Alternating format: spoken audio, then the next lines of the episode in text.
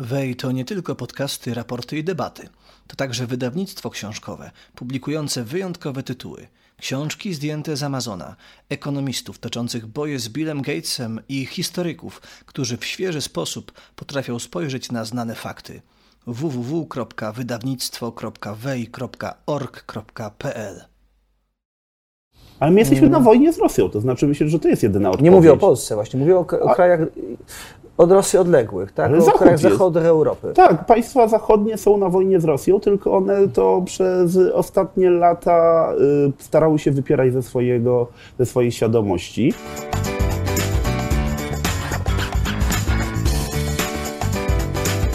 Cześć Adamie. Dzień dobry, witaj, cześć. Od razu przejdziemy do rzeczy, do smutnej rzeczy, bo będziemy przede wszystkim rozmawiać o wojnie oczywiście. Powiedz mi, kierowałeś instytucją, która chyba dostarczała najbardziej wiarygodne analizy tego, co się dzieje na ukraińskim froncie. Już dzisiaj wiadomo, że wojna się raczej nie skończy przed 24 lutego 2023 roku, czyli potrwa dłużej niż rok. No ale ile Boję potrwa? się, że dużo dłużej No niż właśnie, rok. jako wybitny y, analityk wojenny, powiedz, kiedy to się skończy?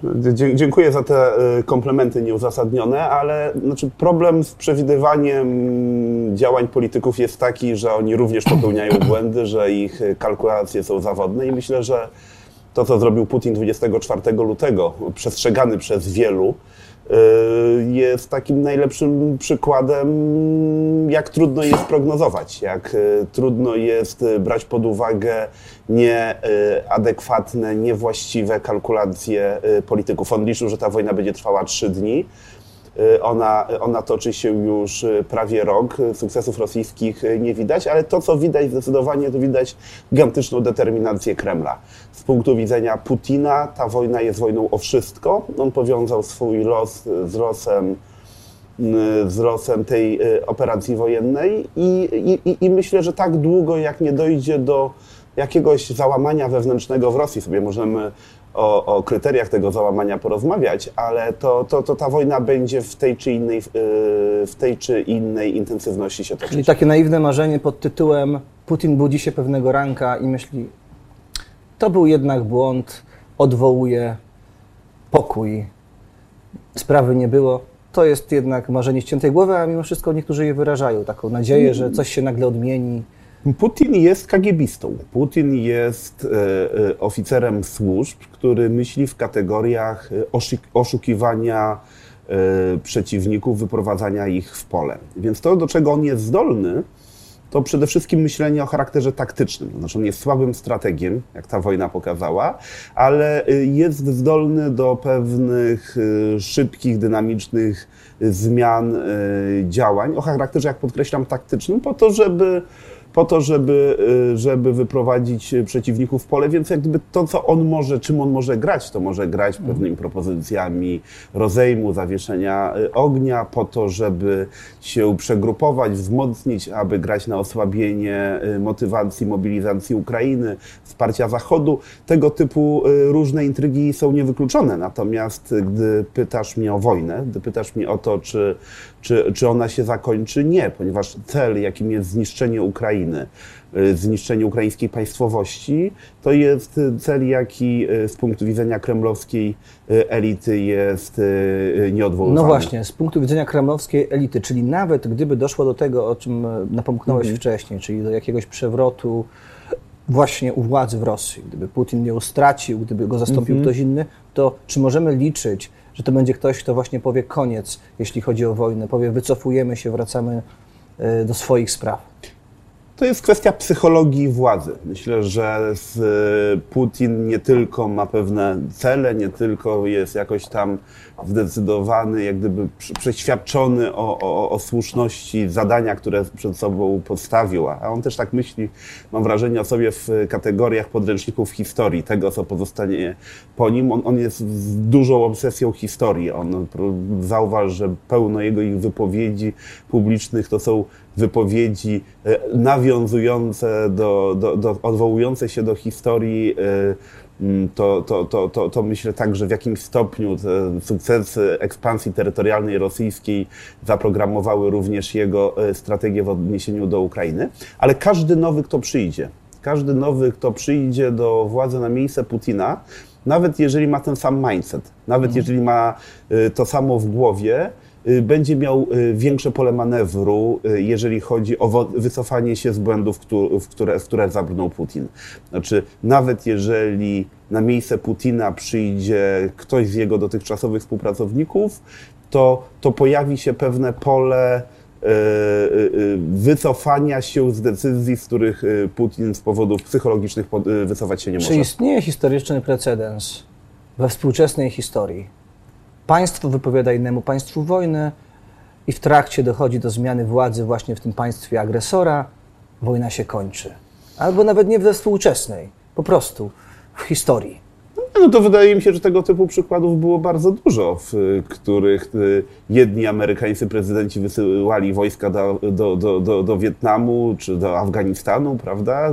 Potem mhm. następnie wy, wycofywali, gdzie, gdzie, gdzie, gdzie, gdzie, gdzie pewną decyzję, decyzja o zmianie yy, strategii, wycofanie się z pewnych błędnych pewnych błędnych y, kroków, to, to, to jest coś naturalnego tylko to w polityce. Działo w obrębie tylko... demokracji, gdy władza się natur... zmieniała naturalnie w toku wyborów. Nie, to, to gdyby, nie wiem, gdyby tak o, o, naraz, jak, jak, gdyby, jak gdyby oczekujesz ode mnie jakichś przykładów, mhm. to pewnie ciężko mi będzie je znaleźć, ale myślę, że takich przykładów jest od groma. Znaczy, w sposób naturalny każdy nowy przywódca w Rosji nie będzie zakładnikiem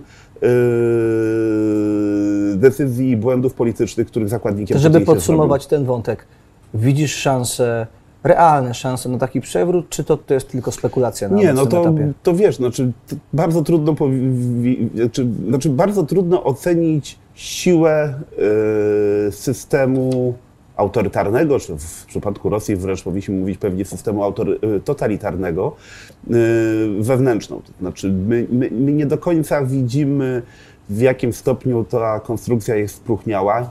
Nie do końca widzimy, gdzie się kumuluje niezadowolenie yy, elit. To jest, znaczy system autorytarny, on ma taką naturę, że że, że, że, że, że wszystko jest stabilne do czasu, aż się okaże, że było bardzo niestabilne.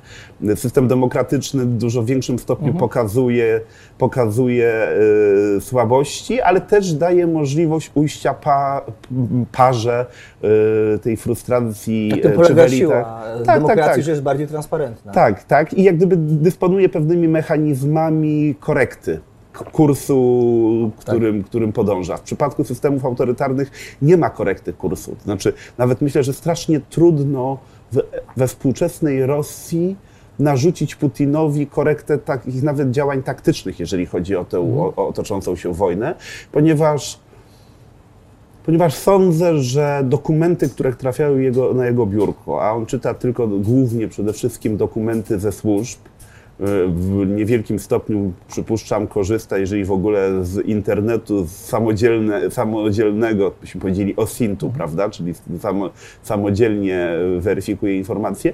Myślę, że te informacje, które do niego trafiają, są informacjami, które są tak za, za, za, zaprogramowane, tak są sformułowane, żeby oczywiście część bolesnej prawdy na temat toczącej się wojny do niego do niego trafiała, ale aby to było zrobione w takim sosie, aby się nie oburzył, nie wściekł, nie, nie, nie, nie, nie, nie zastrzelił listonosza, który przynosi mhm. złe wieści. Czyli on jest również przekonany, że e, sięganie do tych źródeł zachodnich, jeśli chodzi o informacje, jest bez sensu, bo jak rozumiem, w jego opinii jest to e, sięganie do zachodniej propagandy z kolei. W związku z tym no nie tak, jest to tak, To, to, to, to na pewno. Po, poza, tym, poza tym to jest, jak mówiliśmy, człowiek służb, który, mhm który, który ufa w, w, w teczki z, e, z pieczęcią ściśle tajne. Ale ostatnią rzeczą, którą mhm. możemy mu zarzucić, to jest to, że jest głupi. I teraz e, wybucha, wydaje się. Nie rozkaz... wiem, co rozumiesz, kategoria głupi jest taką bardzo pojemną kategorią i pewnie dotyczy bardzo różnych e, no. obszarów. No jest osobą niezwykle sprytną, ale także bardzo ograniczoną przez y, swój mindset, prawda? Przez swój, swój sposób myślenia, no, ale słuchaj, ale rzeczywistości. Wyobraź sobie, postaw się w pozycji dyktatora, który wypowiada wojnę i nagle się okazuje, że tej wojny nie wygrywa jak planował w trzy dni, bo tak mu mówili jego wszyscy doradcy, że tak się właśnie wydarzy, tylko musi walczyć, y, już walczy rok, nie wiadomo kiedy to się skończy, jest w coraz gorszej e, pozycji, to czy to nie jest tak wielki szok, że jednak powinien go zmusić do takiej autorefleksji, hej, może te informacje, które mi dostarczają moi doradcy, moi generałowie, moi szpiedzy, może one nie są właściwe, może jednak trzeba by wejść na stronę, nie wiem, cnn.com albo bbc.co.uk i tak dalej i poszukać czegoś, co się dzieje za granicą, co mówią za granicą. To, No to- nie jest taki szok, Wiesz, to ja który myślę, by do tego tak skłonił naprawdę inteligentną pewnie, osobę? pewnie byś powinien psychologa za, za, zatrudnić, który, który, który analizuje Mhm.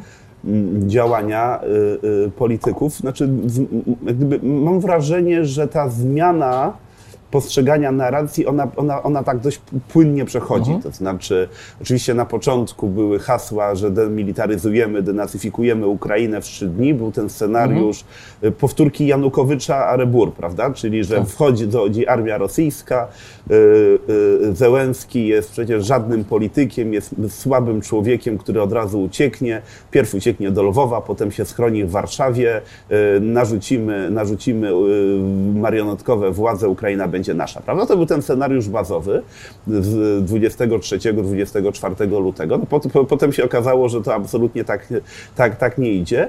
No więc y, pojawiła się nowa argumentacja. To znaczy się pojawiła argumentacja, że to nie jest tak, że y, dobrzy Ukraińcy, y, czyli jeden naród z Rosjanami, pra- pamiętasz tę retorykę Tak, tak, tak. Putina, y, jest, jest pod okupacją jakichś tam nasistów z Zełenskim na, na czele. Pojawiła się już argumentacja, no, że on niestety tych 30 lat, na które pozwoliliśmy, 30 lat niepodległości Ukrainy, bratni ukraiński naród skaziło propagandą, no i teraz to, co musimy robić, to reedukować Ukraińców. Trzeba, trzeba ich na nowo nauczyć y, życia we wspólnym y, państwie z Rosją, na nowo nauczyć ich rosyjskiego, ruskiego miru, y, choćby przez obozy reedukacyjne, choćby przez, przez Buczę, Irpień i, i, i, i zbrodnie, których cel w tym kontekście jest porywania tych ukraińskich dzieci wywożenia do Rosji? To To jest, myślę, że to jest... To się wpisuje w takie totalne mm, postrzeganie, myślenie o Ukrainie, a, ale to też myślę, że to, to jest pewna wypadkowa bardzo wielu różnych aktorów, y, którzy próbują się podlizać, którzy próbują realizować swoje cele. To nie, akurat nie wszystko musi być y, zaplanowane na Kremlu. Zresztą też pamiętajmy, że Kremle, Kreml to jest jeden y, w Moskwie, ale on ma, jak to się w rosyjskie porzekadło mówi, ma wiele wjazdów, czy tam wiele baszt, y, gdzie, gdzie, gdzie różne, różne decyzje są, za- zapadają. Ale nie dokończyłem wątku. Znaczy, wydaje mi się, że, że, że, że w pewnym momencie m, tej wojny, po, po kilku miesiącach coraz silniej pojawiła się zupełnie nowa linia narracji, którą Putin chyba wierzy. To nie jest tylko na użytek y, y, medialny. To znaczy, to jest ta narracja o tym, że to nie jest wojna już z Zełenskim i, i, i, faszystami, którzy tam go otaczają, że to nie jest wojna przeciwko Ukraińcom, którzy są skażeni y, zachodniością i, i- i zeszli z właściwej ścieżki ruskiego miru, że to jest wojna ojczyźniana, że to jest wojna przeciwko Zachodowi, że tak naprawdę my się bronimy, że tak naprawdę my jesteśmy w otoczeniu, że tak naprawdę y, ta wojna na, na, na Ukrainie jest wojną przeciwko Stanom Zjednoczonym, przeciwko Europie Zachodniej, przeciwko, przeciwko, przeciwko y, Tak, jak go przegramy, to Rosja zniknie. a no właśnie, a i tutaj kolejna argumentacja, która jest używana na, na użytek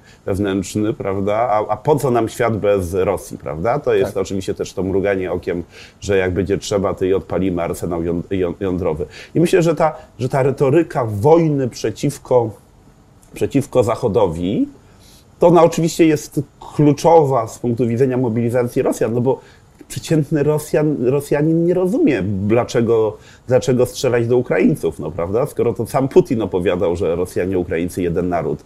Y, Ale już o tym, żeby strzelać do Polaków, którzy gdzieś tam na froncie yy,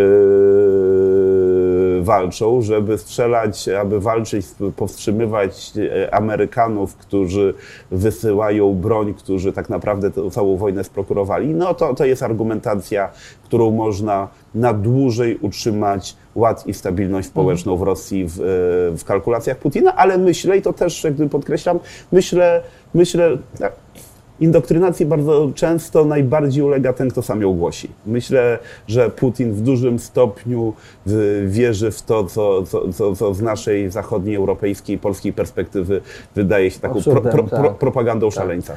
Dobrze, to dosyć może o samym Putinie i, i Rosji, a porozmawiajmy trochę o samej Ukrainie i e, tym, jakim sposobem ona może tę wojnę wygrać, co jest warunkiem koniecznym. No wiadomo, że na pewno wsparcie militarne Zachodu, tylko że ono pewnie ma też jakieś swoje ograniczenia czasowe i zasobowe. E, niektórzy podnoszą argument, że e, te dostawy broni do Ukrainy nie są tak wolne tylko ze względu na to, że jakieś tam czynniki polityczne grają rolę, ale też ze względu na to, że ten arsenał zachodni się wyczerpuje, e, jeżeli chodzi o takie bardziej zaawansowane sprzęty, jak chociażby czołgi. Więc pytanie, co jest potrzebne i jakie są ograniczenia? No oczywiście ograniczenie jest takie, że brakuje już sprzętu produkcji sowieckiej czy postsowieckiej, do których armia ukraińska była y, przyzwyczajona. Żołnierze ukraińscy umieli, umieli z niej, y, y, z tego sprzętu korzystać. Więc to, co dzisiaj Ukraina dostaje, to dostaje sprzęt sprzęt produkcji zachodniej, dużo bardziej zaawansowany, dużo lepszy. I to już widać na linii frontu noworoczny ostrzał Makijewki, prawda, e, e, w obwodu herceńskiego również, te bardzo duże straty osobowe rosyjskie, no one wynikają z tego, że Ukraińcy walczą dzisiaj już tymi hajmarsami, prawda? Znaczy pod tym względem są dużo bardziej skuteczni. E, siła, precyzja rażenia jest, jest, jest, jest większa niż, niż Rosjan i to jest dodatkowy ból głowy dla, do, dowództwa rosyjskiego, ale myślę, że jeżeli chodzi o, o, o, liczbę, ilość, o skalę pomocy wojskowej, to tu jest bardzo ciekawa zależność. Znaczy, czym Ukraina sobie lepiej radzi, tym więcej wsparcia będzie y, mhm. przychodziło. To znaczy, pierwsze dni tygodnie, nawet miesiące, to był okres wyczekiwania. No bo po co dawać czołgi dla Ukrainy, skoro Ukraina jest skazana na porażkę w tej wojnie? Tak. Skoro Ukraina sobie radzi dobrze, skoro Ukraina umie y, powstrzymywać Rosjan, no to, to trzeba, trzeba wspierać troszkę, troszkę myślę w przypadku, nie wiem, nawet Francji czy Niemiec jest też taka kalkulacja, no, no, no, skoro jest perspektywa, że być może Ukraina nawet tę wojnę wygra, no to powinniśmy być częścią tego sukcesu, a nie, a nie tymi, którzy ciągle sabotowali, którzy, którzy ciągle pozostawali, pozostawali y, z tyłu. Ale oczywiście ta kalkulacja, ona może się w pewnym momencie zmienić. To znaczy, jak Ukrainie z kolei zacznie iść zbyt dobrze, to, to wówczas y, w państwach Europy Zachodniej, i ja nie myślę tylko o Europie o Unii Europejskiej, o państwach europejskich, ale, ale może nawet także w Stanach Zjednoczonych pojawi się y, kalkulacja, no dobrze, ale Rosji nie możemy upokorzyć. Nie możemy pozwolić, aby Rosja się załamała, aby, Ros aby, aby, aby, aby, Ukraina, aby Ukraina y, odzyskała Krym, no bo to już będzie most za daleko, Czyli prawda? dla Zachodu odzyskanie Krymu przez Ukrainę tak, jest takim no-go? Myślę, że tak. Myślę, że nikt tego ci otwarcie nie powie. E, ale jakbyś, jakbyś tak, tak od, odpytał przywódców zachodnich, tak z ręką na sercu, jaki jest dla nich scenariusz optymalny, to myślę, że dla nich optymalny scenariusz jest taki, że Rosja zostaje pobita, że Ukraina wraca na granicę z 23 y, lutego, że może tam Ukraina nawet częściowo odzyskuje Donbas, to, to, to właściwie mało kogo chyba interesuje, ale nie sądzę, żeby była żeby było e, przyzwolenie, była akceptacja, było zrozumienie dla ukraińskich, e, czy amerykańskich, czy francuskich czołgów, prawda, pod, pod ukraińskimi sztandarami, które, które, które wjeżdżają na Krym. Myślę, że tutaj strach przed przed upokorzeniem Rosji, strach przed nadmierną też odpowiedzią rosyjską. Tutaj ciągle gdzieś tam w tyle głowy mamy przecież mhm. arsenał jądrowy, jest, jest zbyt duży. A Ukraina jest e, skłonna potencjalnie odpuścić Krym? Obecnie, po tych dziesiątkach tysięcy cywili, dziesiątkach tysięcy żołnierzy, którzy zginęli? To jest trudne pytanie. To znaczy, ja myślę, że wbrew temu, co mówią mm, politycy ukraińscy, oni też w niewielkim stopniu wierzą w to, że, że ukraińska flaga yy, będzie powiewać nad Simferopolem, Sewastopolem czy Jałtą. Myślę natomiast, znaczy, bo, znaczy no, zupełnie czym innym jest świadomość, że nie możemy odzyskać, a zupełnie czym innym jest y, deklaracja rezygnacji z czegoś. To, to, to... Czyli może być tak, że Krym pozostanie symbolicznie w granicach Ukrainy, bo tak Ukraina będzie twierdzić i zawsze będzie rościć do tego Krymu pretensje, natomiast w praktyce... No to jest scenariusz bazowy właściwie Mhm. bez względu na to, jak, w jakim kształcie terytorialnym Mhm. Ukraina tę wojnę y, zakończy, prawda? To znaczy tych te, tereny, które utraci, będą terenami, z których będzie trudno rezygnować. Znaczy ja twoje pytanie y, odczytuję tak, to znaczy czy, czy widzę porozumienie pokojowe, które, które w ramach dawania face saving y, dla Putina, prawda, y, będzie, będzie zawierało formalną rezygnację przez Ukrainę z jakichś terytoriów. Uważam, że to jest bardzo trudne, to byłoby bardzo trudne politycznie dla, dla każdej władzy y, w Kijowie i myślę, żeby to zachwiało stabilnością wewnętrzną Ukrainy. W społeczeństwie ukraińskim nie ma najmniejszego przyzwolenia dla jakichkolwiek koncesji terytorialnych na rzecz Rosji. A jedno pytanie, które jest takim trochę odpryskiem e, tego zagrożenia nuklearnego ze strony Rosji. Dlaczego Rosję traktujemy poważniej, gdy mówimy właśnie o potencjalnym ataku nuklearnym na Ukrainę, niż dajmy na to Iran e, w sytuacji, gdy pamiętny Donald Trump e, no, zlikwidował zdalnie jednego z bardzo ważnych irańskich generałów. No, Czy to nie był atak na istotową państwowość Iranu? No był. Gdybyśmy wyobrazili sobie analogiczny scenariusz ataku e, i likwidacji Szojgu na przykład, no dobrze, nie, ale po, po wtedy kolei. nie było takiej obawy o atak nuklearny. Teraz jest. Z czego wynika ta różnica? o, to, o to pytam. Ju, już mówię, znaczy z kilku rzeczy. Znaczy, po pierwsze, prawo międzynarodowe jest niesprawiedliwe. Gdyby są państwa y, nuklearne, których status nuklearny jest y, prawnie uznany, i jest reszta państw, które są zobowiązane mm, na skutek traktatu o nierozprzestrzenianiu broni jądrowej do niepozyskiwania technologii y, nuklearnych. Prawda? Rosja jest potężnym, drugim na świecie, a w niektórych segmentach nawet pierwszym na świecie y, mocarstwem nuklearnym, którego, nuklearny, które, którego status jest, jest, jest uznawany. Y, y, Iran jest państwem, które łamie prawo międzynarodowe po to, aby dojść aby dopiero zbudować sobie y, potencjał, prawda? Więc, więc, więc, więc, więc y, uniemożliwienie, y, uniemożliwienie, uniemożliwienie Iranowi zbudowania potencjału jest y, po pierwsze jakoś ma tam błogosławieństwo prawno-międzynarodowe, no ale przede wszystkim oczywiście wiadomo, że na koniec dnia liczy się zdolność polityczna. No. No, no, no, r, nikt nie neguje, nikt nie zaneguje rzeczywistego potencjału nuklearnego y, rosyjskiego i, i każdy w dodatku ma w pamięci okres zimnej wojny, gdzie ten potencjał nuklearny, gdzie groźba wzajemnej destrukcji y, na skutek y, konfliktu nuklearnego, no ona była realna, rzeczywista, prawda? Choćby kryzys kubański, który był tego najbardziej y, namacalnym i takim groźnym, groźnym przykładem. Więc znaczy ja, ja, ja może tak, znaczy ja, jakby, ja nie neguję faktu, że, że, że, że, że, że, że istnieje jakiś tam niewielki scenariusz. Yy, wykorzystania przez Rosję broni jądrowej, choćby taktycznej. Choć oczywiście to, co trzeba za każdym razem przy, przy rozmowie o, o, o, o, o broni nuklearnej, jądrowej podkreślać, to jest to, że jej siła polega nie na jej używaniu, tylko na groźbie używania, na mruganiu Na okiem, na, tak. na, na, ale przede wszystkim na, na, na, grożeniu, na, na, na, na, na budowaniu pewnej nieprzewidywalności co do swoich intencji.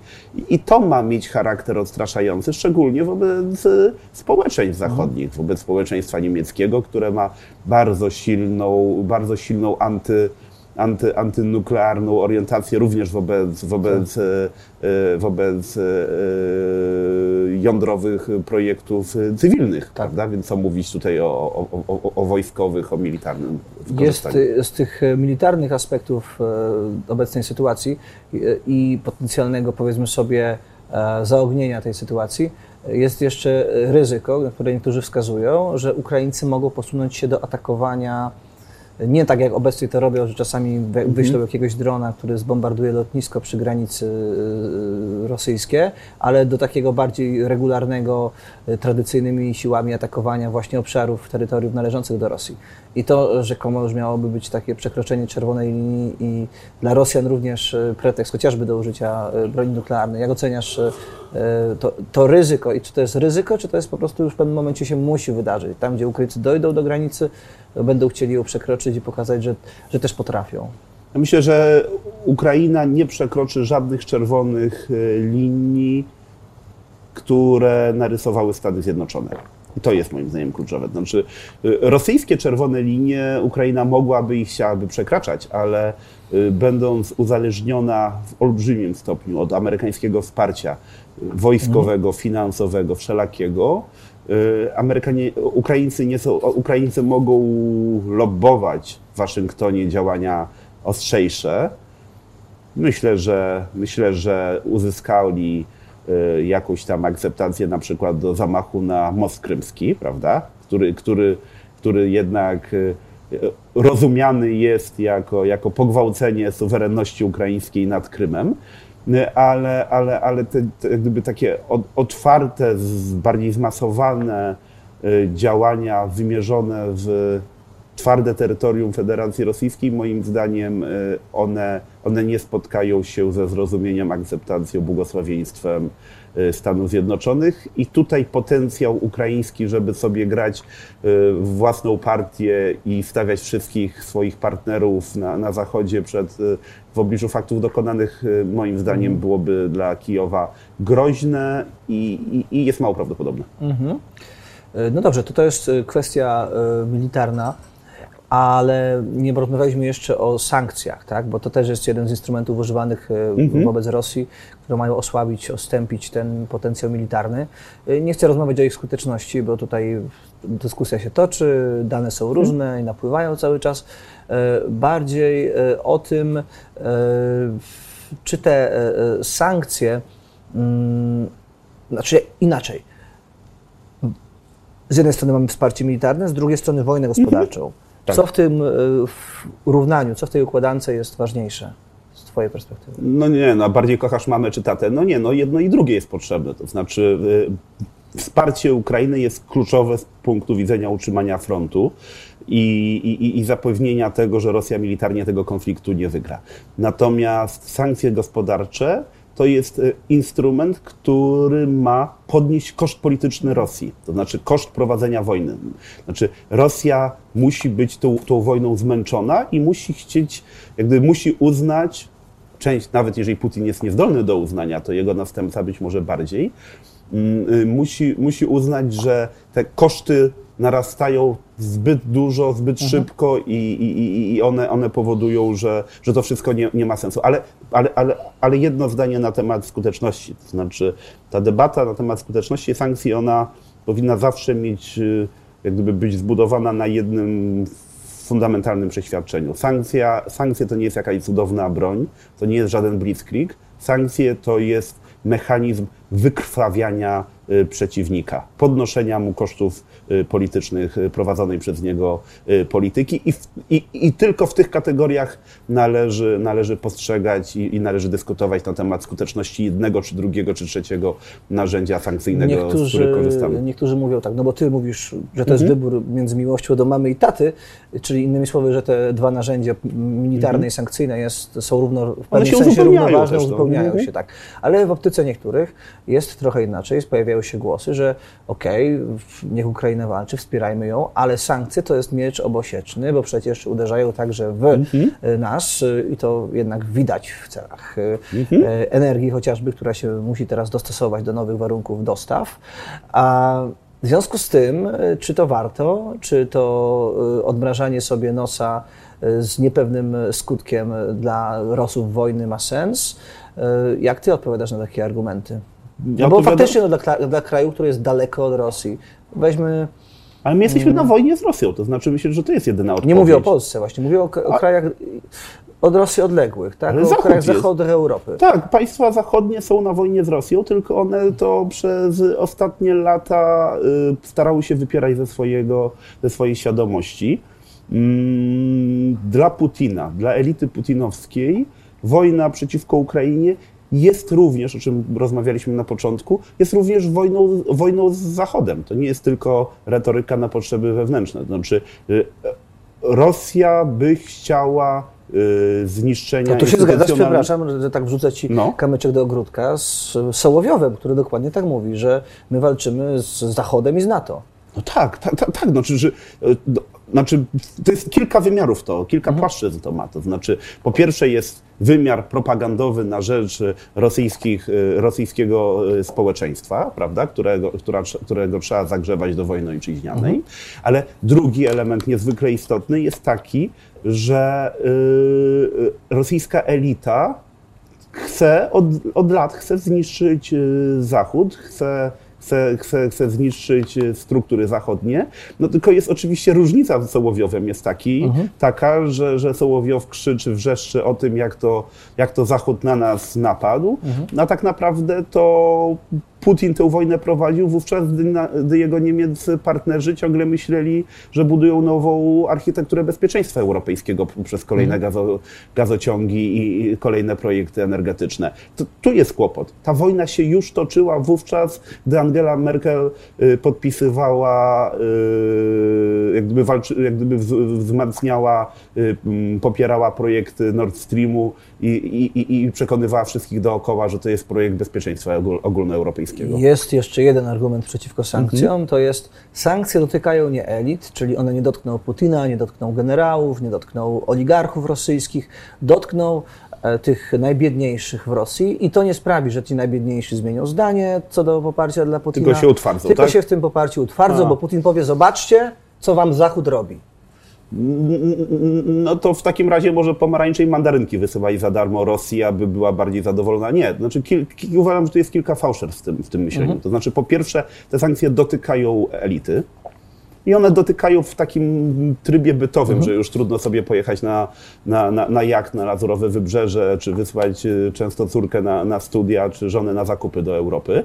Ale one też y, uderzają w elitę. Znaczy rosyjska elita jest dlatego elitą, że ona grabi Rosję, że ona siedzi na tym całym sektorze e, energetycznym na przykład i, i, i bierze, bierze, bierze z niego pieniądze do tak. swoich kieszeni. No, to znaczy, czym, czym słabszy sektor energetyczny, tym mniej oczywiście pieniędzy w budżecie na cele społeczne, ale także tym kołderka krótsza dla oligarchów, którzy tak.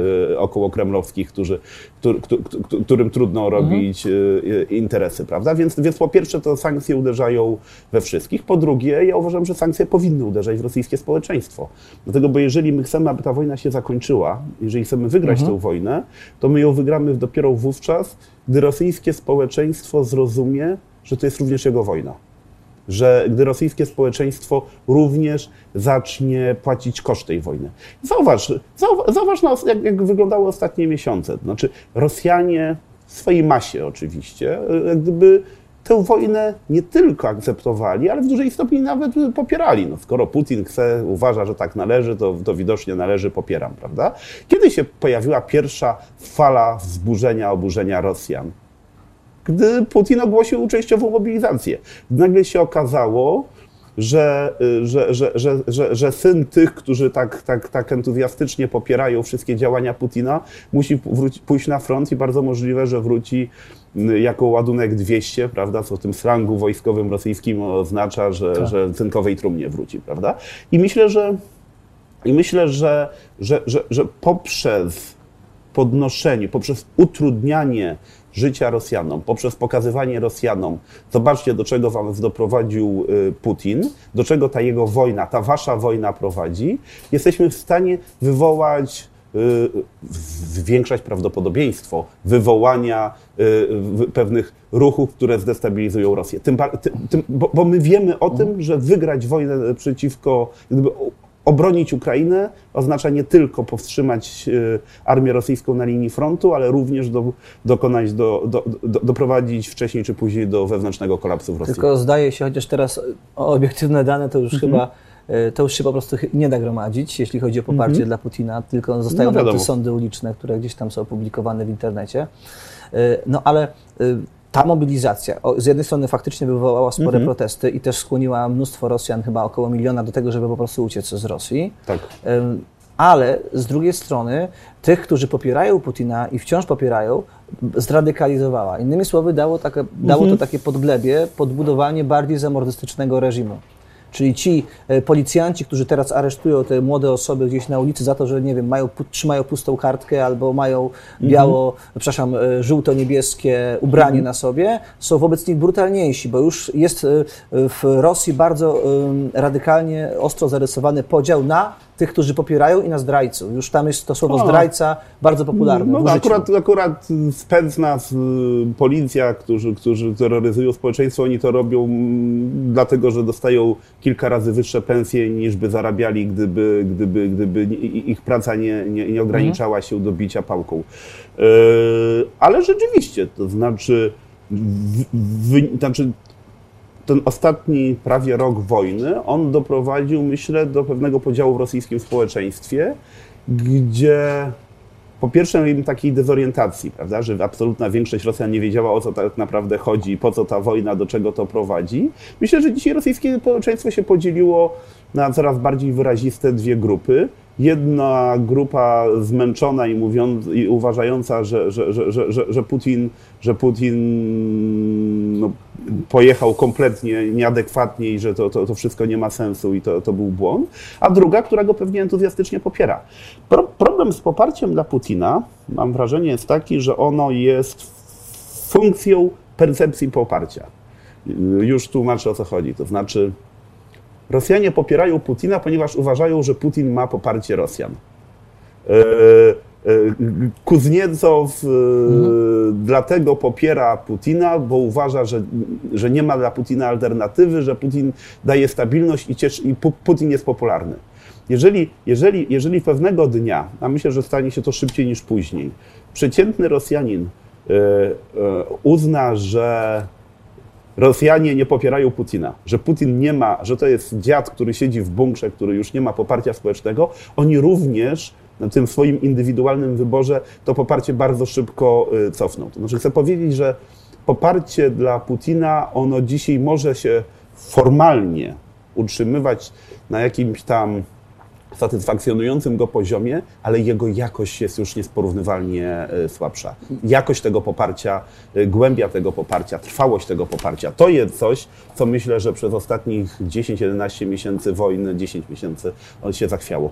Jednym z takich argumentów, które padają mhm. ze strony Rosjan właśnie na korzyść Putina i niezwiązanych z wojną, jest to, że Putin w przeciwieństwie do Jelcyna e, nie przejadł, nie przepił, nie zniszczył rosyjskiej e, gospodarki, a wręcz podźwignął ją z kolan. Nadał Rosji znowu estymę, też na arenie międzynarodowej. Ty byłeś e, korespondentem papu w Rosji właśnie w czasach Jelcyna chyba. No ja byłem na początku putinizmu. Ja byłem na początku w 2000, 2001 roku, stare dzieje, mhm. kiedy Putin był powiewem świeżości. To znaczy rzeczywiście, znaczy po pierwsze, to, to, to, to bardzo ważne, co mówisz, to znaczy, znaczy rosyjskie społeczeństwo dlatego popierało Putina, że miało głęboką traumę lat 90., y, załamania państwa, również wojen. Pamiętajmy, że mhm. to nie jest pierwsza wojna, wojna Rosji, prawda? Były za Putina, y, znaczy za Jelcyna chciałem powiedzieć, y, była przecież wojna w Czeczenii w latach 94-96, która, która, która, która była, jakby niosła wielką traumę dla rosyjskiego społeczeństwa. Mm, I, I, Putin przyszedł jako ten, który przywrócił stabilność. Też miał, jak gdyby, też mu to poszło łatwiej, bo też przyszła koniunktura surowcowa, ropa naftowa. Pamiętam, jak ja byłem wtedy w Moskwie w 2000 roku, to baryłka ropy, jakby budżet rosyjski był budowany przy cenie baryłki ropy naftowej 16 dolarów. Bardzo po kilku latach ta ropa mhm. tam poszła do 120 nawet dolarów, 140. Mm, to oczywiście dało, dało, dało stabilność. Zresztą pierwsza kadencja Putina to była kadencja w miarę reformatorska. Dużo, dużo, dużo takich liberalnych reform podatkowych, y, y, de, debiurokratyzujących gospodarkę. No tylko to oczywiście potem, potem ugrzęzło, ponieważ model putinowski y, uniemożliwiał, uniemożliwiał y, dalszą modernizację. Po pierwsze dlatego, że trzeba było kraść pieniądze y, przez, przez tych nowych wszystkich tak, przyjaciół Trzeba było Putina. zaspokoić wszystkich Za, interesariuszy. Tak, tak. Więc, więc, więc, oczywiście, więc oczywiście była potrzeba utrzymania surowcowego oligarchicznego modelu. Oczywiście in, inni oligarchowie większości niż za Jelcyna, ale, ale, tak. ale swoi, swoi przybliżeni, to po pierwsze. Po drugie, że później w tej głowie kagiebowskiej Putina pojawiło się przeświadczenie, że w, od rozwoju ważniejsza jest kontrola, Czyli trzeba, trzeba, trzeba jednak przede wszystkim zapewnić sobie y, stabilność naszych rządów, a potem możemy myśleć o jakichś tam modernizacjach, za to niech odpowiada Miedwiediew, prawda, był taki człowiek. Y, no, no i potem ostatecznie Putin zrozumiał, no dobra, i tak żadnej modernizacji nie zrobimy, i tak nie jesteśmy w stanie te, te, tej Rosji y, zamienić w Szwajcarię czy Norwegię. No więc, y, a jednocześnie osio- miał, jak gdyby zderzył się z kilkoma y, upokarzającymi klęskami na Ukrainie.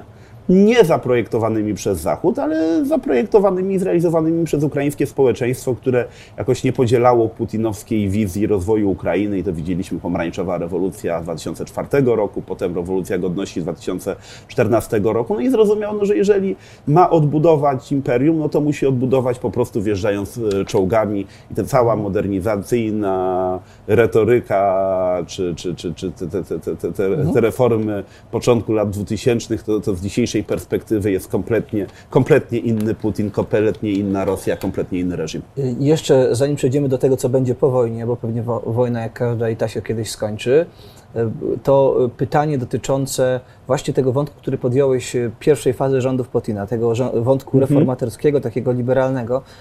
W popularnej teorii zwanej tym, zwanej e, realizmem ofensywnym, Mm, w, czy w ramach tej e, teorii formułuje się takie wyjaśnienie, że Putin chciał zbliżenia z Zachodem na, na początku swoich rządów, że nawet wyciągał rękę, ale ten Zachód celowo łamał e, ustalenia z lat 90. pod tytułem nie rozszerzamy się na wschód, jeżeli chodzi chociażby o NATO, prawda? O struktury NATO. W związku z tym e, Rosja, która się kieruje właśnie tym zimnym realizmem i, i, i dba o swoje interesy, widząc te tendencje, które Zachód realizuje, no musiała po prostu, żeby być w zgodzie ze swoją e, linią strategiczną, przyjętą od wielu, wielu, wielu dekad, żeby e, musiała po prostu e, iść w tym kierunku, w którym posz, poszła. Putin został w pewnym sensie przez Zachód sprowokowany, zmuszony do tego, żeby być tym Putinem, którego znamy dzisiaj.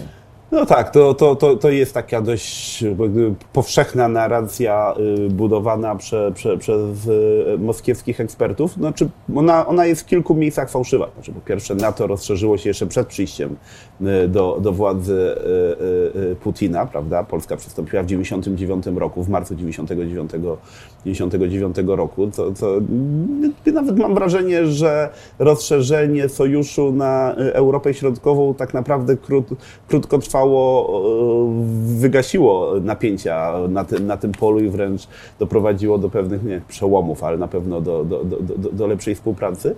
Nie, no mi się wydaje, że mi się wydaje, że tak gdyby dążenie Zachodu do włączania y, Rosji, ono zawsze, ono zawsze było na stole. Czy, czy w postaci instytucjonalnej, tam były taki system, pomysł na cztery, objęcie Rosji czterema obszarami współpracy, wolnościami, budowę Europy po Władywostok, y, y, podpisania umowy o strefie wolnego handlu z Rosją, gdyby współpracy energetycznej.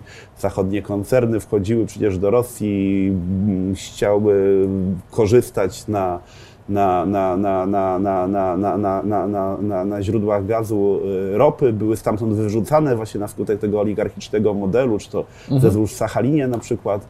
Y, To więc, y, czy Kowykcie, y, to, to, to, to, jakby, mm, to, czy, to, czy Rosja putinowska, jak gdyby poszukajmy takiego neutralnego wytłumaczenia, ona po prostu była niekompatybilna do, do, do, do, do Europy i traktowała y, y, Europę jako, swoje, jako swojego zagrożenia. Znaczy, Putin, y, Putin uznał, że Chiny są za potężne, aby budować, aby konsolidować społeczeństwo przeciwko, przeciwko Chinom. Że z Chinami trzeba się ułożyć, że, że trzeba się dogadać, że trzeba oddać Chinom sporne terytoria. Mało kto pamięta, że, że poszedł na koncesje terytorialne wobec Chin, wobec Japonii już nie. I że, i że z O które Chinami- terytoria chodziło? no to, to było na, na murze było kilka wysepek. W, I oddał nie- Chinom. Tak, tak, to było podpisane było porozumienie już zarządów Putina, w których po prostu cich, cicho, mało kto, mało kto zauważył, Rosja sporne terytoria Chinom oddała. Mm, ani centymetra, centymetra kwadratowego Japonii oczywiście już oddać, y, oddać nie chciała. Więc z Chinami się konfliktować nie ma sensu. Chiny za potężne, Chiny za duże zagrożenie. Natomiast zawsze w rosyjskim społeczeństwie rezonowała ta antyamerykańskość. Prawda? Dla znacznej części rosyjskiego społeczeństwa te Stany Zjednoczone, jak ten wielki szatan, używając irańskiej e, e, e, nomenklatury, więc i, i, i to chyba to chyba jakby zostało zinterpretowane, zinterpretowane y, w, przez elitę putinowską jako, jako dobry mhm. sposób konsolidowania, ale też dla, dla sprawiedliwości trzeba oddać, że, że Putin uznał że model zachodni jest dla niego rzeczywiście zagrożeniem. To znaczy on miał ku temu mhm. racjonalne podstawy. To znaczy uznał, że, że, że wiosna arabska, prawda, że mm, kolejne rewolucje na Ukrainie to jest zapowiedź tego, Dla co... niego, dla jego władzy, nie dla Rosji w sensie... Dokładnie, że przyjdzie to, że, gdyby, że, ten, że ten wirus demokracji, wolności z, zachodniej Europy wcześniej czy później mhm. przyjdzie pod ściany Kremla i będzie stanowił zagrożenie y, dla niego, więc trzeba zaatakować, dlatego trzeba pójść w konflikt z Zachodem, dlatego trzeba, właściwie to jest też jeden z argumentów, prawda? Dlatego też trzeba wprowadzić y, czołgi na Ukrainę, czy to w 2014 roku, czy w 2022 roku, dlatego żeby się, y, y, żeby pokazać, że demokratyczny eksperyment Ukrainy na obszarze podsowieckim on nie ma prawa się mm. udać, nie ma prawa być skutecznym, że, że, że każdy Majdan, że, że każda próba pójścia na zachód oznacza, oznacza jakieś tam y, załamanie. Ale oczywiście tutaj także były racjonalne, racjonalne przesłanki mm. związane z tym, że Putin, elita putinowska, tę władzę w Rosji chciała, chciała, chciała utrzymać. To jeszcze chciałem podjąć wątek mm -hmm. właśnie przyszłości, tak jak powiedziałem. Niektórzy mówią, po wojnie Ukraina będzie miała ten model wolnorynkowy, bo w tym kierunku ewidentnie Żeleński i jego partia idzie, zresztą oryginalnie mhm. libertariańska partia, mm -hmm. z pewnymi tutaj e, poprawkami, ale wciąż e, można powiedzieć mm -hmm. wolnorynkowa, a będzie silniejsza, e, jeżeli chodzi o na przykład zdolność do przyciągania kapitału zagranicznego, E, niż gospodarka Polski, która jest już obarczona tym całym bagażem regulacji, podatków itd., tak itd. Tak e, w związku z powyższym Ukraina po wojnie, o ile oczywiście będzie miała zapewnione gwarancje bezpieczeństwa, będzie e, konkurentem Polski. I pytanie jest takie, czy faktycznie Ukraina będzie konkurentem Polski, czy da się jakoś tak zaaranżować się sprawy, żeby raczej była naszym sojusznikiem na tej niwie gospodarczej? Partnerem. To, jest kilka, kilka to kaskadowo, kilka, mhm. kilka elementów. Po pierwsze, Ukraina musi wygrać wojnę. Po drugie, Ukraina musi się odbudować po gigantycznych zniszczeniach, które ta wojna spowoduje. Mm, najnowsze dane y, wskazują, że w 2022 roku PKB Ukrainy skurczył się o ponad 30% i tak lepiej niż, niż, niż szacowano, bo nawet mhm. szacowano 50% y, wcześniej, no ale to 30% to, to, to sporo, prawda? Gigantyczne, y, gigantyczne infrastrukturalne, również społeczne, społeczne koszty dla, dla, dla Ukrainy to jest demografia. Demografia to jest problem w Polsce, ale to jest gigantyczny problem y, na Ukrainie i oczywiście ta wojna ten problem, y, ten problem potęguje. Tak? Y, natomiast jeżeli chodzi o, o, o, model gospodarczy i polityczny Ukrainy, która jak zakładamy mhm. tę wojnę wygra, no to, to jeżeli wygra wojnę, to Zełenski będzie mógł zrobić, co będzie chciał. To znaczy on będzie miał pełną, pełną władzę. Już dzisiaj oligarchowie na Ukrainie osłabli. Oni dzisiaj muszą robić mhm. to, co, co, co na bankowej, czyli co w administracji prezydenta się, y, w urzędzie, w biurze prezydenta się zdecyduje. Y, znaczy, gdyby, ja myślę, że jak Ukraina wygra wojnę, to ona będzie musiała być oczywiście też republiką wojenną. Ona będzie musiała być, y, mieć potężną armię, bardzo silną armię. Znaczna część budżetu PKB ukraińskiego będzie musiało iść na zbrojenia, bo mhm. Rosja nie zniknie. Rosja, Rosja, która przegra wojnę, ona będzie szukała, szukała możliwości do, do odpowiedzi, do, do, do, do, do, do, do do, do, do rewanżu, do, mhm. do, do, zemsty. No i perspektywy integracji europejskiej. No to, to jest jakby kolosalne na pewnie na osobną rozmowę. Znaczy ja jakby w Unii tej, która jest dzisiaj, Ukraina się moim zdaniem nie znajdzie.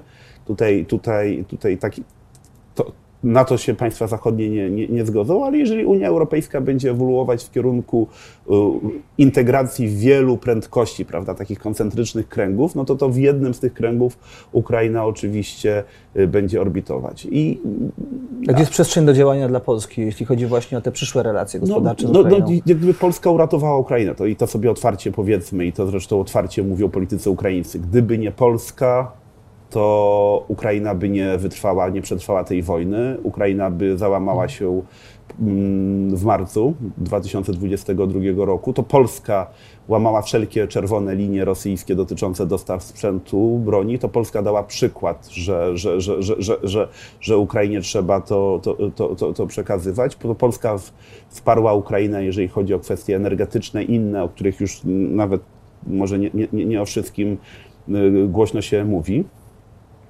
Natomiast y, Ukraina po wojnie, no cóż, no, dysponujemy, będziemy po pierwsze dysponowali gigantycznym potencjałem społecznej sympatii, poparcia, które trzeba przełożyć na coś konkretnego, na współpracę mhm. gospodarczą, na, na budowę powiązań y, pomiędzy, y, pomiędzy polskim, ukraińskim biznesem i to już w ramach choćby no, mała cegiełka w mhm. ramach Warsaw Enterprise Institute staramy się robić.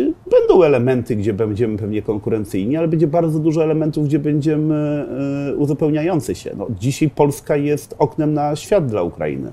Wobec blokady Morza Czarnego, takiej półblokady mhm. Morza Czarnego, no, olbrzymia e, część ukraińskiego eksportu idzie przez Gdańsk, przez, przez, przez Morze Bałtyckie. Polska jest dostarczycielem surowców energetycznych. No, tutaj potrzeba też inwestycji infrastrukturalnych i tak dalej. I tym Popularne obiegowe opinie, które gdzieś tam krążą mhm. przede wszystkim po sieci, e, głoszą, że po pierwsze po, Ukrai e, po wojnie Ukraina będzie tak naprawdę wykupiona, jeśli chodzi o terytorium e, i firmy tamtejsze przez zachodni kapitał, w rozumieniu kapitału amerykańskiego chociażby. W związku z tym tej przestrzeni dla współpracy z Polską będzie, z polskim biznesem, z polską gospodarką będzie niewiele.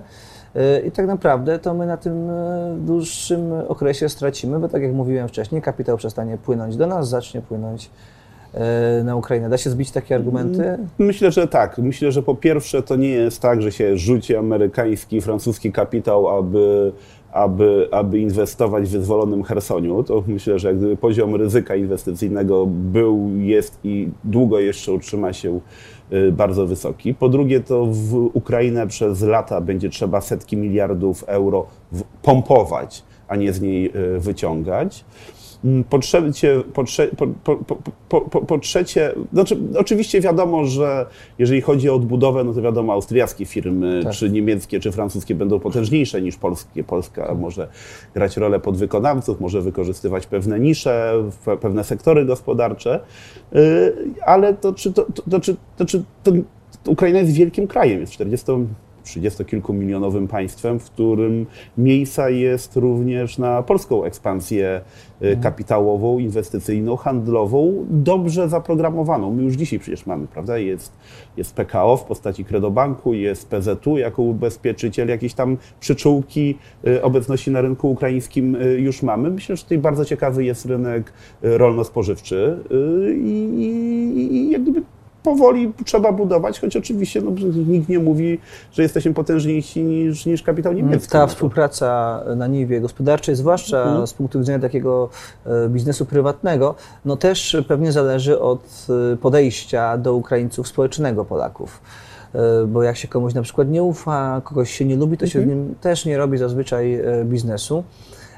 I teraz tak, no my mamy, jak sam zauważyłeś, olbrzymi ten y, potencjał do jednak dobrych stosunków z Ukrainą, co pokazało to, jak przyjęliśmy Ukraińców i uchodźców y, rok temu. Y, z drugiej strony są też takie obszary, gdzie pewne konflikty się wciąż tlą. Mam na myśli politykę historyczną. Tak? Mhm. I pytanie, czy to już tak po prostu będzie, że będzie ta linia, chociaż były spór o Wołyń, że ta linia, że, że to zarzewie, ono zawsze będzie gdzieś tam się tliło, ale nie będzie miało wpływu na ogólny wydźwięk mhm. relacji, na ogólny charakter relacji pomiędzy Polakami i Ukraińcami. Czy jednak widzisz tutaj jakiś potencjał do większego sporu i do czegoś, to może, co może sparaliżować dalszą współpracę? No myślę, że kluczowe są kontakty społeczne, będące pokłosiem tej nie jednej, ale kilku fal y, migracyjnych y, do Polski. tutaj mieszka dwa, może trzy, to, to jest trudno powiedzieć, bo tu ta migracja bardzo często ma charakter Tak. wahadłowy, prawda? Miliony Ukraińców, no to, to jest pewien potencjał budowy zaufania społecznego, ale również potencjalnie również e, konfliktów, e, który, których nie można wykluczyć. Natomiast jeżeli chodzi o Wołyń, no, to, to, jeżeli chodzi o, o kwestie historyczne, no to, to, to, to Myślę, że po pierwsze dla młodszego pokolenia jest to mniej istotne niż dla starszego pokolenia w Polsce.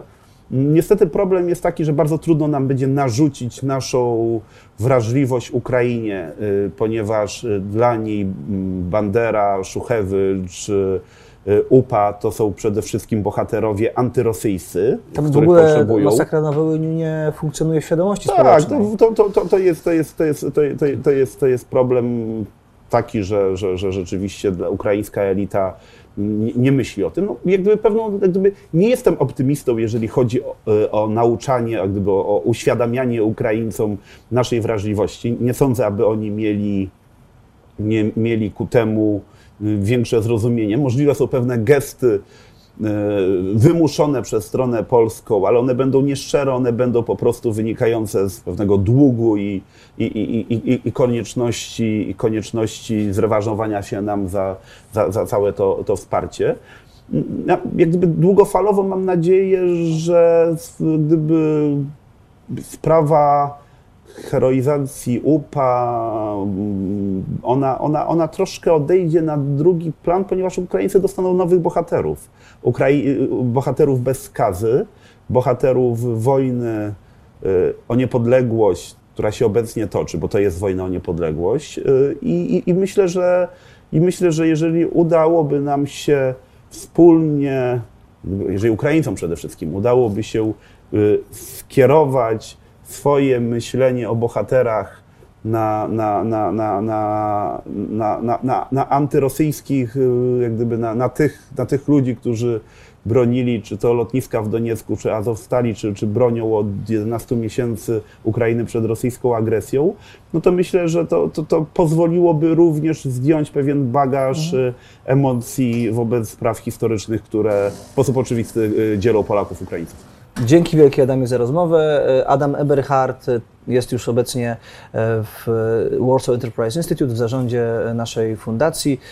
Do niedawna jeszcze kierował ośrodkiem studiów wschodnich. Ja zachęcam do śledzenia mojego kanału, naszego kanału. Co tydzień rozmowy o 19 we wtorek z innymi ciekawymi gośćmi.